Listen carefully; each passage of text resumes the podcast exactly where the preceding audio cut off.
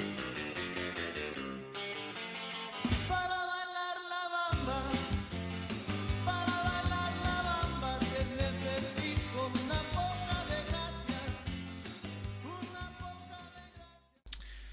Hej och välkomna till en ny säsong av La Liga-podden. Podden som pratar om allt om spansk fotboll. Faktiskt den enda i Sverige som gör det. Som bara pratar om, fokuseras på spansk La Liga-fotboll. Eh, vi är nu tillbaka sen, eh, ja vad är det Sam? Maj tror jag. Eh, så vi stoppade där någon gång. Um, och um, i det här första avsnittet så ska vi gå igenom lite grann av det senaste som har hänt såklart. Um, lite nya managers. Uh, den första omgången ska vi diskutera. Uh, silly season, vad har vi missat i sommar egentligen? Vilka övergångar har kommit, vilka har gått och så vidare i den spanska fotbollen. Um, vi, vi kanske är lite ringrostiga sådär, men vi måste ju kicka igång oss själva lite grann så vi börjar ju bara jag och Sam här nu då. hur känns det att plugga för dig Sam? Eh, det känns bra. Eh, det är ju en liten tradition måste jag säga sen vi startade den här podden att vi, vi startade upp du och jag när vi började där hösten 2014 var väl första avsnittet redan då, bara du och jag. Och sen så brukar vi knyta ihop säcken någon gång i maj. Också bara du och jag. Det är ganska trevligt måste jag säga. Ja, men det, det, jag håller med dig ja. där. Det är liksom, vi är uppe i 80 avsnitt här nu snart. Kanske ja. mer till och med. Jag har inte räknat riktigt. Men eh, det, det, är väl bara några fåtal som det är bara du och jag. Så det är alltid trevligt så här, när man börjar en ny säsong och avslutar en säsong dessutom. Verkligen. Det, det, det som är härligt att du får lite mer plats då i dina analyser. Det måste jag säga. Mm. det är ju lite farligt på sitt sätt såklart. Nej, jag skojar. Ja, ja precis. Uh, nej, men uh, jag tänkte här att vi har ju ingen veckans fråga den här veckan då. Uh, det var ju en programpunkt som vi introducerade i fjol. men i och med att det här är första avsnittet så lämnar vi den till den här gången. Men till nästa vecka däremot så får ni jättegärna skicka in era frågor och synpunkter och kanske något ämne som ni vill ta upp. Eller om ni själva vill vara med i podden. skicka in det till laligapodden gmail.com eller en ny grej här nu som vi börjar med. Det är vår Facebook-sida. Ehm, som ni kan söka på. Den heter La Liga-podden.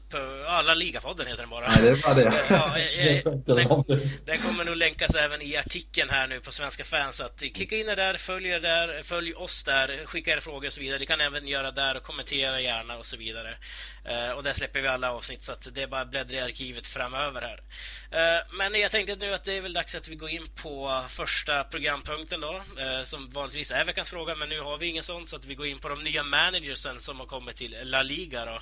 Eh, till att börja med ska vi konstatera att Deportivo Alaves, eh, Leganes och eh, Osasuna är tre nykomlingar som är, har anlänt till La Liga varav faktiskt en klubb har bytt tränare där och det är ju då Alaves som har tagit in Mauricio Pochettino. Um, Gustavo Poyet har kommit in i Real Betis, uh, Gaisa Garitano i Deportivo La Coruña, uh, Kiki Sanchez Flores i Espanyol, Paco Gemes i Granada, Juan de Ramos i Malaga, Jorge Sampaoli i Sevilla och Fran Escriba i Villarreal. Ganska många namn här eh, att hålla reda på men vi kommer såklart gå in lite mer ingående på de här i den här podden och framöver.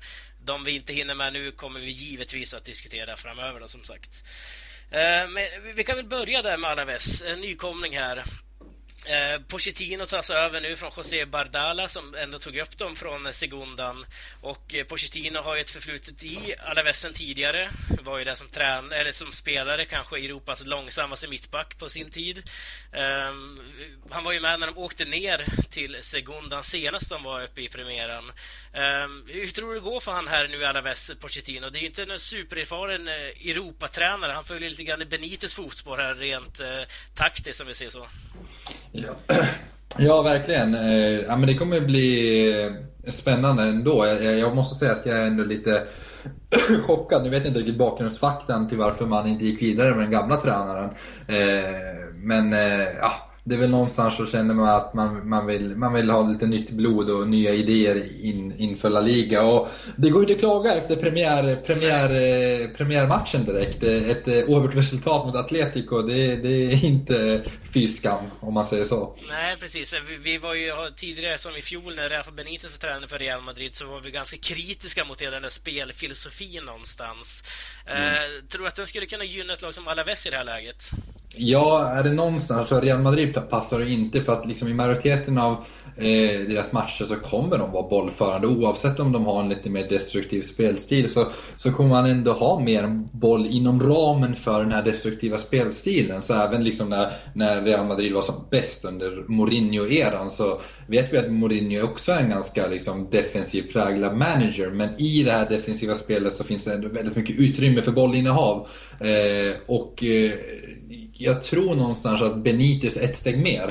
Och den här filosofin, de som inte behärskar den och inte kan hantera det här ledarskapet som kanske Mourinho kan, då passar den idén mycket bättre i, i lag eller i lag där förväntningarna eh, faktiskt inte finns på att man ska föra spelet. Och Alaves, där finns inga förväntningar inför den här säsongen. Nej, precis. Eh, däremot har man ju förstärkt offensiven väldigt mycket, vilket vi kanske kommer in på framöver här nu. Men som Christian Santos, anfallaren, och Daverson också anfallare, eh, kommer in. De, Benitez och även Pochettino som går lite grann i Benitez fotspår, om man nu får säga så, hans tidigare mm. assisterande, kör ju ofta 4-2-3-1, det vill säga en anfallare. Och nu var det Tokiero som startade, men de, de, de har en eh, ganska fin offensiv uppställning här ändå som jag tror kan eh, bli intressant att följa framöver. Ja, eh, Alaves har ju faktiskt eh, väldigt liksom spets eh, framåt. Eh, så att eh, där tror jag faktiskt man har ju bland annat Tokiero om inte annat. Vilket, eh, men sen så, du menar väl ändå Pellegrino? Jag vet inte om det är fel på mina hörlurar eller sa du Pochettino? Ja, Pellegrino såklart. så jag Pochettino så ber jag om ursäkt för det. Ja, exakt. Jag blev lite förvirrad där. Ja, okay, ja. Nej, men rätt ska vara rätt. Det, ja. det är inte lätt här när man... Ja, det premiärer liksom, som sagt lite ringrostig. Ja, precis. Viktigt L där, Pellegrino. ja, precis. Ja, men snyggt att du håller koll på det. Ja. Det var fel av mig. Känn för sin snabbhet också. Ja, precis. Att ni som undrar varför om jag sa Pochettino långsammast som mittback så kan jag kanske varit lite fel där i hjärnan. Eh, Pellegrino såklart. Eh, förlåt för det. Ber om ursäkt alla Deportivo, eller Deportivo, alla Alaves-fans och alla um, Tottenham-supportrar såklart. Eh, men vi går vidare med um, vad ska vi ta härnäst då? Deportivo, när vi ändå var inne på dem lite snabbt där. Victor Sanchez fick ju sparken nu. Eh, Deportivo-tränaren, det var ju mycket kaos i Depor där med spelare bråkade med ledningen, eh, eh, med Luisinho och lite Aurel Riera här och där. Och så Manuel Pablo, lagkaptenen, klev ut och sa att det var väldigt dåligt gjort det här, hur de skötte det. Eh, lång historia kort. Eh, han fick sparken i alla fall, Victor Sanchez, och in kommer Gaiska Garitano. Eh, Eibars tidigare tränare. Han tog upp Eibar till premiären bland annat. Eh, lite kort här bara. Va, vad tror du om Garitano? Kan det vara en, en bra tränare för Depor? Är det ett litet mellanting som Depor behöver? Ja, kanske. Jag var ändå väldigt förtjust i Victor Sanchez och personligen tycker jag det var tråkigt men det fanns ju saker bakom kulisserna som, som inte riktigt vi vet riktigt vad som hände. Eh, men Gar Garitano Garitano, vill man ju ta. Garitano är ju en, en av de här som jag brukar säga, yngre tränarna i Spanien. Jag tror han är runt 40 år och eh, 41 till och med. Eh, och eh, han har gjort det väldigt bra med, med, med Eibar och det känns väl någonstans även i hans tränarkarriär att Depor känns som ett, någonstans nästa steg för honom.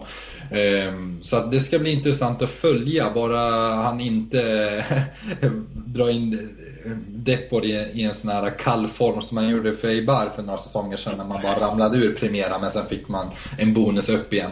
Eh, så att eh, det, det, den här kontinuiteten och jämnheten det, det, är väl något liksom individuellt han måste jobba på tillsammans med, med sina lag. Eh, men där tror jag också en jättenyttig erfarenhet för honom där med Eibar när, när, han kom upp där med Eibar och så. Så att det ska bli intressant att följa och han fick ju som sagt en smakstart med Lucas Perez i storform dessutom. Ja, precis. Eh, straff gjorde han där, straffmål. Mm. Eh, diskuterbar straff kanske, men... Gjorde assist också, eller? Eh, det kan nog stämma, men det var ja. inlägg till Mosquera där som petade in den. Mm. Noterade inte riktigt vem som la frisparken faktiskt. Ja. Lite dåligt av mig. Men ett annat intressant lag kan väl tycka som annars är väldigt ointressant är ju Granada som alltså tar in Paco Gemes, våran lilla favorit. Um, varför vart det just Granada, tror du, av eh, Paco Gemes? Vi diskuterade ju lite Valencia, vi diskuterade till och med spanska landslaget, så hamnade nere i andalusiska Granada här. Ehm, är det rätt val av honom att ta, tror du?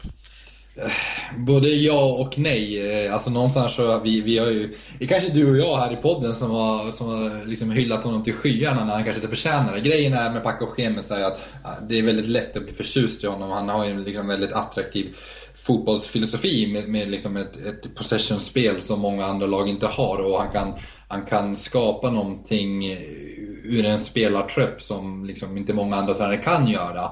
Men ibland kan det bli lite väl naivt och ibland kan det kanske inte bli så resultatbaserat heller utan man kan falla ihop väldigt enkelt men när det är liksom på topp då är det ju väldigt eh, fint att se och man blir eh, nästan ohyggligt bra. Det blir nästan som att spelarna överpresterar och spelar lite över sin förmåga.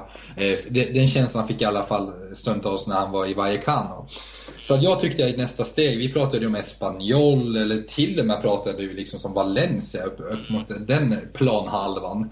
Eh, och jag tror att han skulle göra det mycket bra där, men jag tror hans record med, med, med Vallecano här, speciellt under vårkanten och hela fjolårssäsongen i stort sett.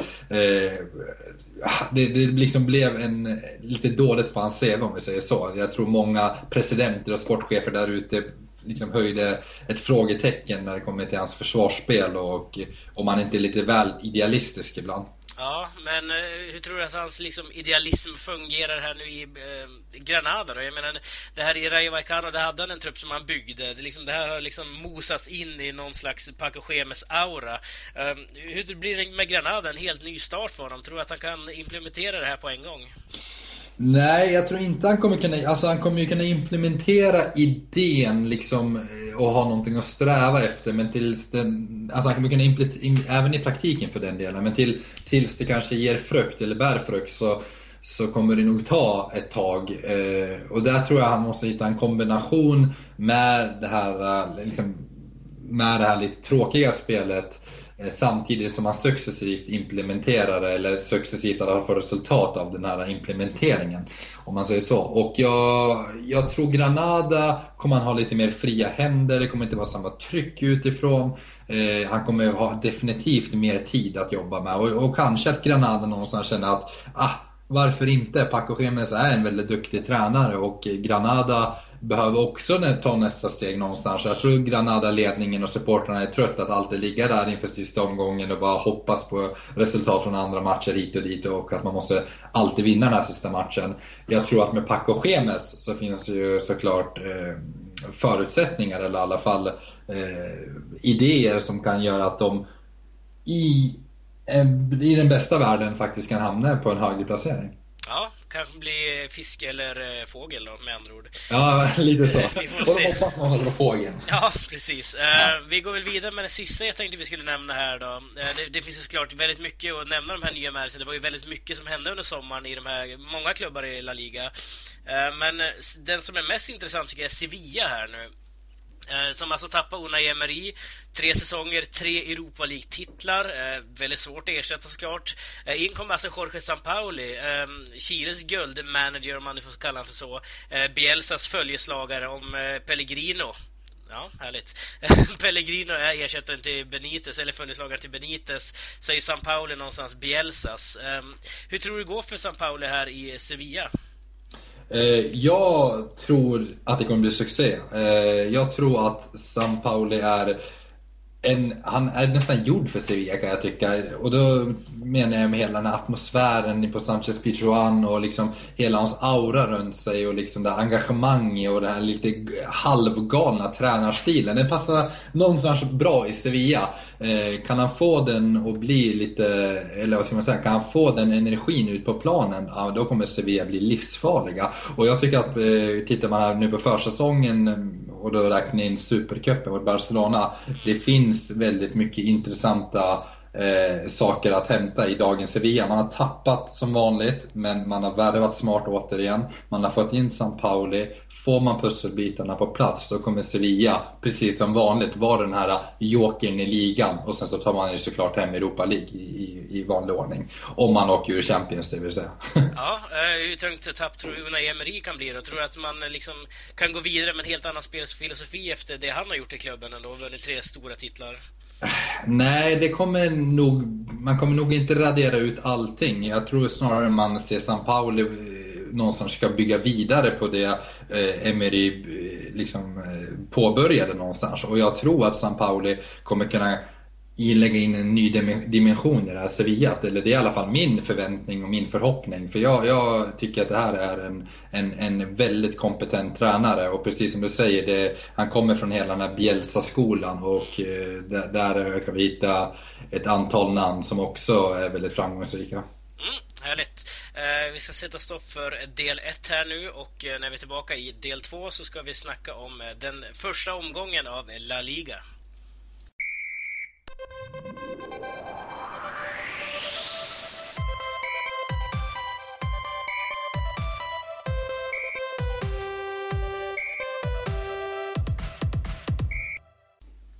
denna andra del av avsnittet ska vi diskutera den första omgången i stora drag och eh, gå in lite mer noggrant på vissa matcher. Det är alltså ett litet axplock vi gör här nu. Eh, men vi, kan väl i alla fall konstatera att först och främst att det är väldigt kul att hålla liga tillbaka. Att eh, vi återigen kan sappa in på Viaplay eller Viasat eller vad ni nu kollar på och se de här underbara matcherna. För vi hade ju en fantastisk första omgång måste man ändå säga. Mm. Framförallt lördagen där när vi hade Barca 6-2 Sevilla 6-4. Eh, det är svårt att slå det, måste man ju säga. Eh, 18 mål på två matcher. Eh, men jag tänkte att vi skulle börja med just Barcelona-Real Betis och kolla hur den matchen var. Det var ju alltså ett Barcelona som vann med 6-2. Var ju ändå någorlunda skakat där vid 1-1 med Ruben Castro. Ehm, hur såg du på matchen, Sam? Eh, det var en väldigt bra premiärmatch måste jag säga eh, ur Barcelona-ögon. Jag, eh, jag, jag, tror sällan jag har sett, eller jag kan inte minnas senast jag såg Leo Messi ha en jag vet inte, en sån hunger och en sån arbetskapacitet och en sån såklart givetvis talang och kvalitet så tidigt in på säsongen för tidigare så här kan det knappast bli. Eh, Leo Messi var överallt och det var helt, han var nere och sprang i försvarslinjen.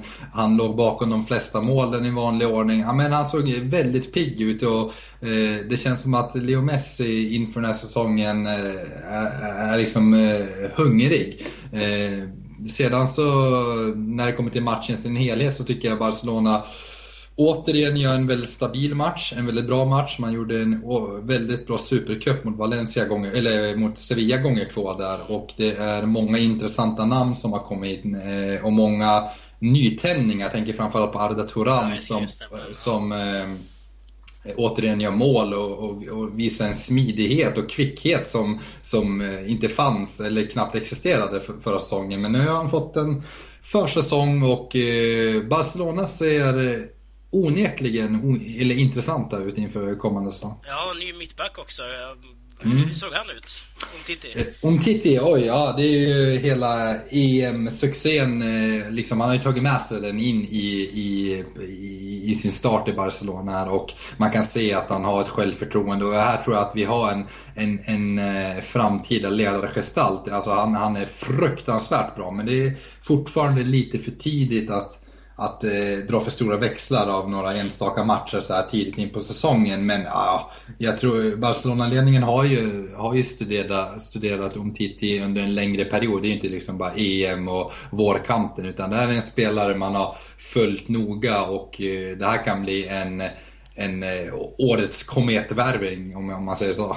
Ja, precis. Eh, Luis Suarez också tre mål igen. Som mm. Vi är nästan van vid det vid det här laget. Ja, det... Eh, och det här, någonting som jag tycker är lite roligt är att nu fick han dra en frispark. Eh, kommer det, ni som lyssnar på första avsnittet av La Liga-podden så nämner jag att Luis Suarez är världens bästa frisparksskytt. Det tog två år, men nu har han dragit in en frispark i alla fall. Ja, jag, jag tänkte faktiskt på det när han drog in Ja, härligt. Eh, så att nu jag hoppas att han får fortsätta lägga de där frisparken. Det var ingen dålig frispark direkt. Nej, det var ingen dålig frispark, men jag tror ändå Leo Messi är nummer ett på den den posten även ett tag framöver. Ja. Men jag håller med, jag tycker man kan ha en liten variation. Speciellt när frisparken är lite från, vän, alltså från vänster sida, eller centralt från vänster sida, när en högerfot fot lämpar sig bättre. Då tenderar Leo Messi kanske att eh, faktiskt ta lite för många när vi både har, eller vi, när Barcelona, både har en Neymar och Suarez med så mycket kvalitet. Ja, om vi kollar på Real Betis lite kort här då så ser vi att de startar ändå upp ganska defensivt. Eh, mer eller mindre fem backar där någonstans och hela mittfältet byttes ut under matchen. Danis Bajos eh, satt på bänken, eh, storlöfte som fick ganska mycket speltid i fjol. Mm. Eh, hur såg Betis ut de här? Det är såklart väldigt otacksamt att börja på Camp Nou första omgången. Ja, nej men Betis, Ruben Castro har två mål. Eh, han är ju en en målskytt av rang eh, oavsett vad som händer utanför planen med honom och klubben och att det är mycket kaos kring hans förlängning och att han ska upp i domstol så visar han ju återigen Ja, han är ju en fruktansvärt vass målskytt. Han är ju Bettis bästa målskytt genom tiderna. Eh, alltså hans, eh, hans andra mål där, det är så det är ett klassiskt målskyttsmål. Eh, Betty ser intressanta ut. Jag, jag, hade, jag tycker att Mandi, nyförvärv i eh, backen där, jag, han hade ingen rolig afton. Men eh, det är en spelare som, eh, Algerien där är väldigt duktig och han eh, Ah, eh, när han får växa in i rollen och bli lite mer bekväm, precis som du är inne på, att det inte är så tacksamt att börja på Camp Nou, så tror jag att eh, det kommer bli en, en väldigt viktig eh, komponent i det här lagbygget. Eh, annars så, ah, det blev mycket försvarsspel. Det var mest liksom Barcelona för hela slanten. Men jag tycker man ska ändå ta med sig eh, Ruben Castro, att han får inleda säsongen så här. Sen så tror jag att hittar de ett samarbete där med, mellan Ruben Castro och Sanabria, då kommer det här bli intressant. Mm, onekligen. Eh, någonting annat som är väldigt intressant, som vi nämnde lite kort här, är Espanyol. Eh, mötte Sevilla, varit 6-4 i en fantastisk match. Eh, kanske årets match redan här. Eh, men, ursäkta. Espanola som är ny tränare, Kiki Sanchez Flores, ny ägare, eh, ny spelartrupp mer eller mindre och var väldigt nära att få ta en poäng av Sevilla. Jag trodde de skulle göra det, sen föll de ihop lite grann. Eh, hur ser det ut för Espanyol här nu egentligen? Hur såg matchen ut framförallt? Ja, det var en helt fantastisk match och eh, det, det, det var helt klart omgångens match utan tvekan. Tio mål, det var liksom fram och tillbaka och eh, Espanyol har ju definitivt värvat bäst under det här transferfönstret. Eh, jag tycker de har värvat smart, intressant och det är liksom väldigt mycket spets i det de har värvat. Eh, och, man får valuta för det. Piatti kliver in, gör ett mål, två assist. Eh, man är väldigt farliga framåt. Ja, vi har Leo Baptistau som, som ser väldigt intressant ut. Så att, nej, och sen har man ju såklart Kiki Sanchez Flores där på sidan som är en tränare av rang. Men det var till slut kvaliteten, hemmafavören, hela den här ah, c'est eh, ah, Sanchez Pijuan atmosfären åt väl upp dem till slut. Och, um, kul för Vieto också att få en sån drömstart i, i sin nya klubb. Ja, precis. En mardrömsstart blev det däremot för Roberto, alltså målvakten här som köptes från Olympiakos. Eh, kommer du ihåg i fjol den här Arlauskis, eh, han från Litauen, eh, hoppade in två matcher och släppte in 12 mål eller någonting. Eh, och petade Paolo Lopez. Och nu petar Roberto Paolo Lopez och släpper in sex mål. Eh, det ryktas mycket om att Paolo Lopez ska lämna till Tottenham bland annat. Um, vad, vad, tror du om det? Tycker du att Roberto är en bättre målvakt? Han är ändå lite äldre och sådär, men Paolo Lopez gjorde ju en ganska bra säsong i fjol tycker jag. Ja, det här med Paul Lopez, alltså just nu tror jag Espanyol bara sitter med två mål, eller målvakter. Jag vet inte om de värmer in en tredje. Eh, men eh, det är någonting skumt med Paul Lopez, att han eh, inte får det här förtroendet. För det är ändå en ny tränare som har kommit in och det måste ju finnas någonting eh, i träning som inte vi ser och att det måste finnas någonting som brister där. Att man väljer ändå att spela med Roberto Jiménez istället för en ung Paul Lopez som kan bli en, en, en liksom ikon, framtidsman i Espanyol. Han, han eh, har ju ändå en talang och han är från klubben, han är fostrad i klubben. Eh, så att det ska ändå någonstans mycket till till att man inte ska ge honom det här överdrivna förtroendet. Men för att få det här överdrivna liksom lojala hjärteförtroendet som många klubbar kan ge sina målvakter. Exempelvis som Barcelona gav eh, Victor Valdez.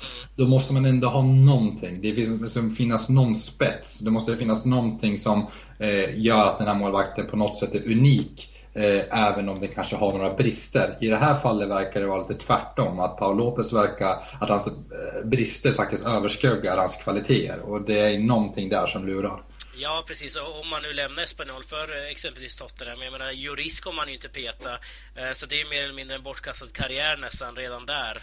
Mm. Såvida han inte nu petar Roberto här framöver. Vi får väl se. Eh, men en tredje match som jag tänkte att vi skulle diskutera lite grann var ju eh, Valencia som mötte Las Palmas. Och det här var ju ett nytt Valencia sa man. Det var en ny energi och liksom nu jäklar är de med från start. Och eh, på en gång pladask förlust hemma mot Las Palmas. Eh, Las Palmas ska vi inte underskatta såklart. De gjorde en fantastisk vårsäsong i fjol. Eh, tog sig till nästan över halvan av eh, tabellen. Eh, men, men, hur kommer det sig här nu att trots att allt som har hänt, Gary Neville har försvunnit och så vidare, de faller dit ändå, Valencia?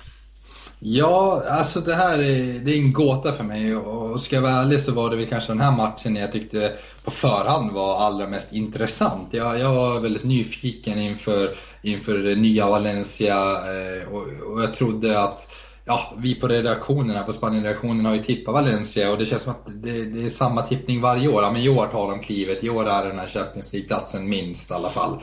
Kanske till och med mer, det, är liksom, det finns någonting. Och jag tror någonstans att det är bara vi som har blivit uppväxta med att Valencia ska vara bra. Ja. det, är lite, alltså, det är lite så det är.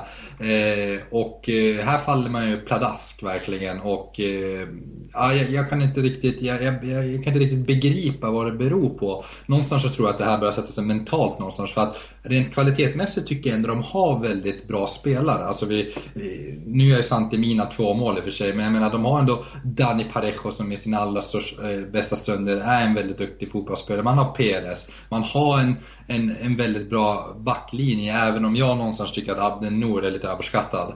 Eh, men eh, ah, det verkar ändå fortfarande vara lite kaos. Jag menar Paco Alcacer ryktas ut. Så det, det, känns som att det är lite för tidigt såklart. Eller det är det. Det har bara gått en, en omgång. Men det var definitivt inte den starten man behövde. Las Palmas hemma i all ära. Man har värvat intressant. Man har en trio i, i Boateng, Viera och Elsar som är väldigt intressant och som är väldigt... Liksom, det är mycket kvalitet för att vara Las Palmas någonstans. Ja. Las Palmas förväntas väl vara någonstans i, i den undre halvan. Men den trion i sina bästa stunder kan lyfta ett helt lag. Eh, så att med all respekt till Las Palmas så känns ändå det här uh, någonstans som ett misslyckande från Valencia.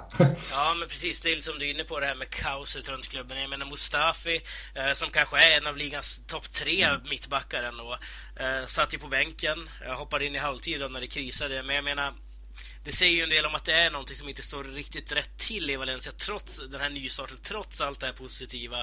Eh, mm. och den, den, största stjärnan man har värvat in egentligen är ju Nani som någonstans många tycker är lite slut som spelare. Så att vi får väl se vad som händer där. Men eh, som du säger, Las Palmas, väldigt intressant tycker jag verkligen att de fortsätter på det de slutade någonstans i fjol. Mm. Eh, de värvade in den här Livacha, kroaten, som gjorde ett mål i fjol i Empoli i ja. Serie A. Så jag menar, de får ändå till det här Kikiset igen. Eh, så det ska bli väldigt intressant att se. Hur tror du att det kan eh, arta sig för Las Palmas? Så de fortsätter som de gjorde i fjol? I så fall skulle de ju hamna på topp 7 till och med. Ja men alltså för Las Palmas och det var väl lite därför när vi hade Kviborg med oss i, i, i podden varför man tog in Kikiset igen. Det var ju för att man skulle stabilisera bakifrån, man skulle bygga bakifrån. Eh, och det är väl någonstans där frågeställningen ligger i år igen. Får man till det här pusslet bakåt då kommer Las Palmas bli farligt för kvalitet framåt, det har man. Eh, och speciellt med den här nämnda trion jag, jag eh, precis nämnde och sen som du är inne på, Livaja som kliver in och gör två mål. Då kommer Las Palmas bli ett ja, väldigt slagkraftigt lag och det kommer väldigt tufft borta mot Las Palmas. Även topplag kommer kunna störas där. Eh, men sen är det ju som sagt, eh, bredden är ju inte den bästa. Eh, och det är ofta det som över 37 omgångar. Eh, faktiskt fäll, eller faller, gör att de eh, faller ihop till slut, eller kan i alla fall falla ihop. Men har man lite tur med, skad, med, med, skador, man eh, sätter formen på många spelare, man har en målvakt som i sina bästa stunder kan göra helt obegripligt bra matcher, då kommer Las Palmas eh, kunna störa många lag framöver. Mm, du tänker fortfarande på Javi Varas i Sevilla där? ja, exakt. Barca, ja. Nej, det är den mest galna match, eh, målvaktsbedriften jag nästan varit med om. ja, det var några säsonger sedan nu. Ja, men sitter färskt. Ja, sitter kvar i minnet. Ja, härligt. Ja. Eh, vi ska faktiskt sätta stopp för den första omgången nu. Eh, vi kommer kanske följa upp lite grann här nästa vecka såklart. Eh, men nu eh, i del tre, som är den sista, eh, så ska vi snacka lite grann om silly season för de spanska lagen.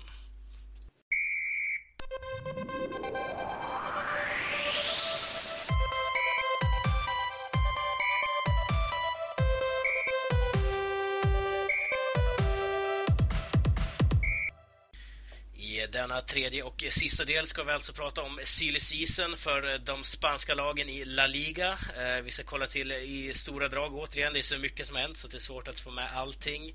Men i alla fall i stora drag ska vi kolla igenom vilka spelare som eh, har lämnat, vilka som har kommit i några av de lag som spelar i La Liga. Um, och egentligen vilka, vilket lag som har gjort det bäst under transferfönstret. Det är såklart väldigt eh, subjektivt att tycka. Uh, men eh, någonstans ska vi gräva in oss lite grann här nu sista tio minuterna på hur, hur silly season har varit eh, i Spanien. Eh, och då tänkte jag att vi skulle börja i eh, huvudstaden och kolla till Real Madrid eh, som eh, egentligen inte har gjort så mycket den här sommaren. De har varvat in Alvaro Morata, fått tillbaka Marco Asensio. Ehm, egentligen bara tappat José till PSG också, men eh, hur ser du på deras silly season? Hade du förväntat dig mer nu med Zidans första eh, sommar i klubben? Ja, både ja och nej. Det känns som att eh, Zidane faktiskt bryter mönstret här lite. Eh, för Real Madrid är inte, speciellt under ledning av Perez, inte sig lika. Man har, precis som du själv säger, bara värvat Alvaro Morata som egentligen på någonstans, även om man fick lägga ut en hel del pengar, eh, bara känns som att man har tagit tillbaka honom i stort sett. eh, och detsamma gäller Mar Marco Asensio som bokstavligen kommit tillbaka från lån. Så att här är det, vet jag inte om Real Madrid för första gången på väldigt länge har gjort rätt. För att man, man prioriterar kontinuitet och det känns som att man är väldigt nöjd med truppen som den är. Eh, och här får man ju dessutom in, det har funnits ett litet frågetecken bakom Benzema, att det inte finns en riktig ersättare där. Och nu har man ju definitivt två riktigt heta alternativ i Morata och, och Benzema. Så att Zinedine Zidane och Perez, eller jag skulle snarare säga Zinedine Zidane, har ju verkligen med sin vad ska man säga, status lyckats eh, lugna ner Peres. För jag tror att det nog fanns en konflikt där någonstans att Peters vill göra någon affär, marknadsaffär för att eh, tänka på ekonomin och eh, marknadsföra klubben och göra någon slags Galactico-värven. Men Zidane faktiskt tänker lite mer rationellt och tänker på kontinuitet och eh, det här kan faktiskt löna sig när vi summerar säsongen. Ja, och just Asensio tycker jag är väldigt intressant. Han gjorde ju en fantastisk säsong i Espanyol i fjol. Jag minns att jag röstade fram honom då eh, som en av årets eh, innermittfältare. Nu vart han inte uttagen i, vårat, eh, i Spanien-redaktionens lag då, men han var ju fantastisk eh, den säsongen. Hur tror du han kan bli för Real Madrid i år. Det är ett väldigt stort kliv ändå från Espanyol till Real Madrid. Det är ett väldigt stort kliv, men eh, vi ska inte heller komma, eller glömma bort att han kan ligan och nu får han egentligen bara bättre spelare runt omkring sig. Han kommer få ännu mer tid med, eller inte tid med bollen, men han kommer få ännu mer boll att jobba med. Eh, och eh, han har ju inlett väldigt intressant och jag tror Zidane kommer vara väldigt försiktig med honom. Att, att liksom, han ska inte, det är inte han som förväntas göra det, han ska bara vara Eh, en, inte en joker heller, men någonstans ska han vara den här spelaren som, ah, det här är vår bonusspelare. Det här är en spelare som inte ska lyfta Real på egen hand, men som kommer kunna bidra med, den, med de spetsegenskaper han faktiskt besitter. Eh, och får man in honom i den rollen och skolas in sakta men säkert, då tror jag att det här är en framtidsman, både för Real Madrid men också för eh, La Selección. Ja, eh, nyckeln för Zidane den här sommaren och Real Madrid har alltså varit kontinuitet mer eller mindre. Eh, mm. Om man ser till den spelartrupp man har nu då. Eh, viktigt är också att Morata kom in som du säger. Jag menar, i fjol så såg vi enorma brister när väl Benzema var borta. Det var ju ingen som kunde spela där uppe riktigt då. Eh, så att, ja, men eh, de var väl var intressant om inte annat. Vi får väl eh, se hur det går sen. Mm. Men om vi går in på Barcelona då. Vi var inne lite kort på dem förut, jag tänkte att vi ska nämna lite kort här nu också. De har ju framförallt fokuserat på mittfältare, försvarare. Eh, ingen backup där uppe än. Eh, hur ser du på um, Barsas transferfönster? Eh, förvånansvärt väldigt bra. Eh, en av de bättre. Jag skulle säga att båda Barcelona-lagen, eh, och då pratar vi Barcelona, FC Barcelona och Espanyol, är nog vinnarna den här säsongen. Eh, Barcelona har värvat oerhört intressant och förnuftigt måste jag säga. Eh, som du säger så har man ju verk, verkligen fokuserat på mittfältare, eh, eller mittfältet där André Gomes och Sergi Samper har flyttat upp från B-laget men också hämtat tillbaka Denis Suarez. Eh, dessa tre kommer ju bidra väldigt mycket för det är någonstans där Barcelona inte har haft den här bredden. Eh, utan man har spelat till exempel Arda Turan på mittfältet och där har inte han hittat sin roll riktigt. Eh, men just André Gomes och Denis Suarez, där höjer jag ett varningens finger för övriga ligakonkurrenter för att det är två väldigt eh, kompetenta spelare som kan ligan, Denis Suarez kan till och med klubben eh, och André Gomes passar som liksom eh, perfekt i, i det här, hela den här barcelonismon. Så att eh, Luis Enrique har, har verkligen fått en förstärkning han, han eh, har efterfrågat. Ja, och så två tunga tapp då i Thomas Vermaelen och Mark Bartra. ja, nej, men eh, Dani Alves, eh, den är arvstagaren någonstans till ja. högerbacken. Hur kommer man tackla det här att han är borta? Eh, jag tror mer eh, på sidan av plan kommer det kanske vara... Alltså klart att Daniel Alves så är kanske Barcelonas bästa högerback genom tiderna skulle jag vilja hävda. Eh, det är ett av de köp som, ja 2008 tror jag Barcelona värvade honom, eh, som saknar motstycke. För att det är en så lyckat köp från Sevilla och man har fått ut så mycket valuta för de pengarna att det är nästan löjligt. Han, Dan Alves kommer eh, alltid vara en del av alla eh, Barca-supportrars hjärtan för att han har bidragit med så mycket. Men nu har tåget gått om man säger så. Nu har åldern kommit ikapp och det finns hungriga spelare som är redo att axla hans roll och Dani Alves behöver också en nytändning. Eh, så att eh, han har ju byggt en status i omklädningsrummet och han har varit viktig liksom för Neymars eh, eh, liksom inskolning i Barcelona. Men rent liksom på planen och så, så kommer Barcelona Barcelona täcka upp honom med Alexis Vidal som man eh, hämtade in redan i januarifönstret Men också kommer eh, Sergio Roberto kunna spela på den positionen och han har gjort det med bravur. Ja, men då så. Eh, om vi kollar på Atletico Madrid då. Eh, vi går igenom topp tre här tänkte jag. Då ser vi att Gaitan, Gamiro är väl de som sticker ut främst som har kommit till klubben. Eh, Kranavitter och Vieto lämnar båda till Sevilla. Eh, Gamiro här nu som ansluter. Det var ju stora problem i fjol för Atletico att göra de här målen. Griezmann gjorde ju väldigt mycket ensamt där uppe. Eh, de pratade, prövade Jackson Martinez, det gick inte. Skeppades iväg till Kina. Eh, Torres vaknade där under våren i några matcher. Men eh, vad tror du Gamiro kan på, liksom, hjälpa Atletico med som inte exempelvis Torres eller Jackson Martinez kunde göra i offensiven? Jag tror Gamero kommer, precis som de, inte, de andra inte lyckades med, kommer bokstavligen och han kommer med 90% sannolikhet, om inte mer till och med, att leverera i målproduktionen. Han kommer kunna avlasta Griezmann i hela, hela den produktionen.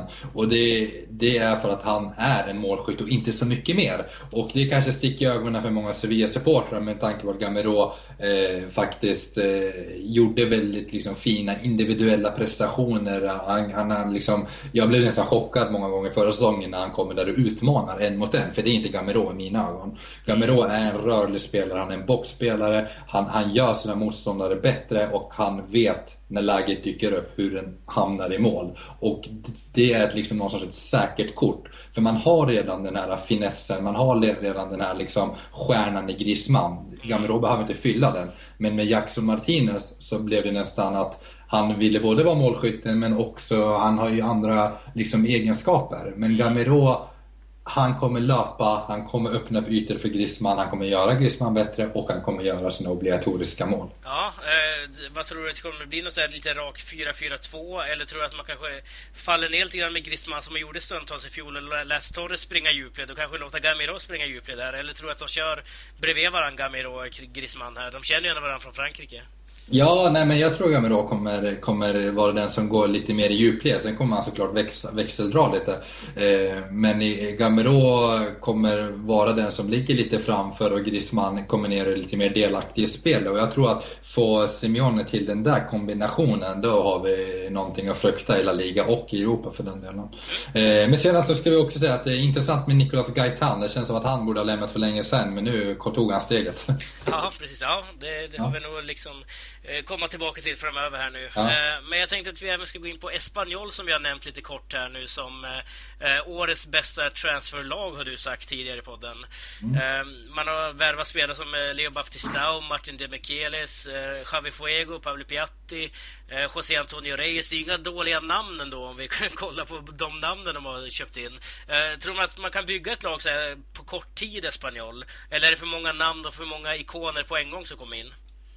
Eh, både ja och nej. Sedan så har man också hämtat in, som jag var inne på tidigare, Kike Sanchez Flores som är en väldigt, eh, eh, liksom, eh, även han är inte så gammal, men för sin ålder rutinerad tränare som kan ligan. Och jag tror han har en pondus och han har en aura runt sig som kommer eh, kunna få dessa spelare att sträva liksom, mot samma mål någonstans. För det är väl där utmaningen ligger, För det här är individualister på många sätt. Det är spelare som har en, en otrolig individuell kapacitet men ibland så kanske det kollektivet eh, hamnar lite, liksom, eh, blir, blir lite, ja vad ska man säga, eh, inte hänger med riktigt. Och eh, om inte kollektivet sitter eller leder det kollektiva arbetet då, då, då, får man inte heller ut följt ut av deras individuella kvaliteter. Eh, så att få Kike Sanchez ihop kollektivet, då kommer ju spelare som Piatti, eh, men även José Antonio Reyes men, eh, kunna liksom bidra, och även Batistao för den delen, eh, med sina individuella med spetsegenskaper. Så att, ja, det blir intressant. Jag tror att eh, nyckeln ligger någonstans i, i att eh, försvarsspelet sitter, och det gjorde det ju inte första omgången. för framåt kommer det liksom levereras, det tror jag. Men eh, kan Xavi Fuego framförallt och eh, Martin de Micheles få ihop det där bak. Då kommer Spanjol bli farliga. Ja, men precis. Och eh, som du säger, Ramon Sanchez Pizjuan kommer till, gör ändå fyra mål borta där. Det är ju ganska starkt bara det. Eh, sen var den här matchen väldigt hawaiig också, eh, om man säger så. Men man tappar ju ändå Marco Sensio i Espanyol. Um, man har väl egentligen ingen naturlig ersättare som de här pådrivarna på mittfältet. Det skulle kanske vara José Jorado som de har hämtat från uh, Watford nu, den gamla Atletico Madrid-mittfältaren. Mm. Uh, men um, vad tror du om Asensio? Tror du att han blir ett avbräck där på mitten? Ja, både ja och nej. Det är klart, eh, rent kvalitetsmässigt så kommer det ju eh, liksom bli ett avbräck, men precis som du är inne på, alltså dessa spelare, nu nämner inte jag Jorado, men Jorado är också en spelare i sin liksom, bästa stund, eh, håller en väldigt hög klass. Eh, och det är klart att det kittlas lite mer i munnen när man säger Marco Asensio för att det är en ny spelare på uppgång som Real Madrid har precis tagit tillbaka som har ett bra fjolårsrekord på sitt CV. Eh, men eh, ah, dessa spelare, jag har eh, följt dem alldeles för länge och jag vet vad de besitter. Och eh, kan man få dem motiverade och få ihop det här laget. De är dels också lite äldre nu, lite mognare. Och så att jag tror att eh, Espanyol har ett intressant projekt på gång i sin helhet. Och det gäller inte bara de här spelarna utan med Kike Sanchez Flores Flores. Man har en fantastisk hemmaarena som är relativt nybyggd fortfarande. Och man har liksom en ledning som eh, har ekonomin. Härligt. Eh, vi börjar faktiskt närma oss slutet av programmet här nu. Eh, väldigt intensivt första program måste man ändå säga. Det är väldigt mycket att ta upp och det är väldigt mycket vi inte har ja. kunnat ta upp på grund av programtidens slut. Då. Ja, vi får ta igen det. Ja, det, det får vi göra. Vi tar igen de lag vi missar. Exakt, och eh, vi kommer även skriva ner en del på Facebook också. Det är inte bara länkar som vi kommer skriva där utan på vår Facebook-sida, utan vi kommer även lägga upp lite tankar och sådär, kanske under matcher och så vidare. Som, vi, som både jag och Sam tänker på framförallt och eh, noterar under diverse matcher. Som exempelvis att Paul Lopez eh, petar och eh, Roberto startar. Lite sådana saker. Så det kan ni följa på vår Facebook-sida också. Men jag tänkte här nu att vi ska gå in på veckans match då, som också är ett stående, en stående programpunkt från i fjol. Och den här gången så har jag valt, om man får kalla det, det baskiska derbyt. Baskiska senior, eller juniorderbyt eller vad man ska säga. Osasuna mot Real Sociedad ehm, det är ändå en match som känns väldigt intressant på förhand. Real Sociedad gick på en ganska tung hemmaförlust mot Real Madrid i premiären och Osasuna tog en pinne um, i sin premiär då mot, uh, ska se, nu måste jag tänka, Malaga borta. Mm. Uh, så att om vi börjar där då. Osasuna, Real Sociedad, vad tror du Sam? Uh, jag tror på ett kryss faktiskt, lite broderligt nog. Jag tror att med Pamplona-publiken i ryggen så kommer Sociedad inte kunna bärga alla tre poäng men de har en kvalitet som inte Osasuna har och därför blir det oavgjort. Mm, vad blir resultatet? 1-1. 1-1, ja. Uh, jag är inne på ungefär samma där, men jag tror ändå att Osasuna kommer vinna den här matchen. De är ändå nykomlingar. Uh, vi märkte i första omgången hur taggade de här nykomlingarna verkligen är att få bevisa sig och kan man bevisa sig bättre än mot Real Sociedad? Eh, det vet jag inte. Inte i sån här match, i sånt här läge. Eh, så jag tror en 1-0 till Osasuna i den här matchen. Jag tror det blir en eh, tight match. Egentligen borde man säga 7-5 eller någonting i hur första omgången såg ut. Men jag säger 1-0 till Osasuna, till Osasuna mot Real Sociedad. Eh, härligt! Eh, ska du köra din veckolista som också är kvar från i fjol? Ja, den är kvar och tillbaka på samma gång. Eh, ja, den har vi inte strykit. Den har gjort succé tycker jag. ja, precis. eh, nej, men vi börjar i vanlig ordning nu med veckans Tokiero. Nu har vi faktiskt med Tokiero i högsta ligan. Det känns ju helt fantastiskt. Mm. Ska se om man eh, lyckas få någon, eh, sin egen utmärkelse någon dag. Det skulle vara intressant Det att kommer nog hända. Det kommer nog hända. Men jag har valt att blunda för eh, dåliga försvarsspel stundtals och faktiskt plockar ut matchen mellan Sevilla och Espanyol som veckans eh, För den matchen, för den neutrala supporten, det var helt fantastiskt att se. Det, det gjorde min, min fotbollskväll helt klart. Så att, nej, de får eh, dela på eh, årets, eller säsongens första Tokiero tycker jag. Ja, härligt. Det var som sagt kanske säsongens match också, så vi får se. Ja, vi det- får återkomma Ja, om det blir precis. Eh, när vi summerar. Veckans Faber då? Eh, veckans Faber, eh, ah, det känns tråkigt att börja i den änden för någonstans så vill man ju inte lägga fokus på domarteamet men det går inte att blunda för eh, skandalen på Balaidois lite när José eh, Munuera och hans crew helt enkelt dömde bort Celta. Dels så blåste man av grovt felaktigt, eh, jag tror det var Jaga Aspas som sprang sig fri och chippade in ett mål och en helt felaktig offside. Och såklart så skulle vi lägga, eller skulle såklart lägga ner också sedan, sedan göra ett offside-mål. Så det var liksom bara ah, spiken i kistan på en dålig kväll för domarteamet eller grädde på moset. Eller vilken klyscha man vill använda sig av. Så att nej, det får gå till eh, José Manu, eh, Munuera och hans crew och det är tråkigt att börja så men så är det. Ja, absolut. Och bara 20 minuter för Gretti också, om de ser det där. Ja, det är också lite Faubert tråkigt. Ja, får ge det till Britzo nästa gång då. Ja, precis. Ja, men härligt. Då är vi igång i alla fall. Och som sagt, följ oss på Facebook. Eh, Vi kommer lägga upp en hel del där. Och vill ni vara med i podden, vill ni ta, att vi ska ta upp några ämnen och frågor och synpunkter, eh, skicka det antingen på Facebook eller till våran mail, laligapodden gmail.com så är det så. Ja, nästa vecka har vi en gäst med oss antar jag. Just det, just det. Nästa vecka så har vi då med oss första, säsongens första gäst, eh, vilket vi inte vet än vem det är, men eh, det blir alltid intressant, det alltid kul med ja. lite andra röster i podden. Kanske något vi kan avslöja på Facebook, fort vi vet. Ja, det är sant. Det är sant. Ja, det är sant. Ja, ja, men så. Eh, härligt. Tack så mycket för oss och tack till dig Sam att du var med. Vi hörs nästa vecka. Ja, hej då.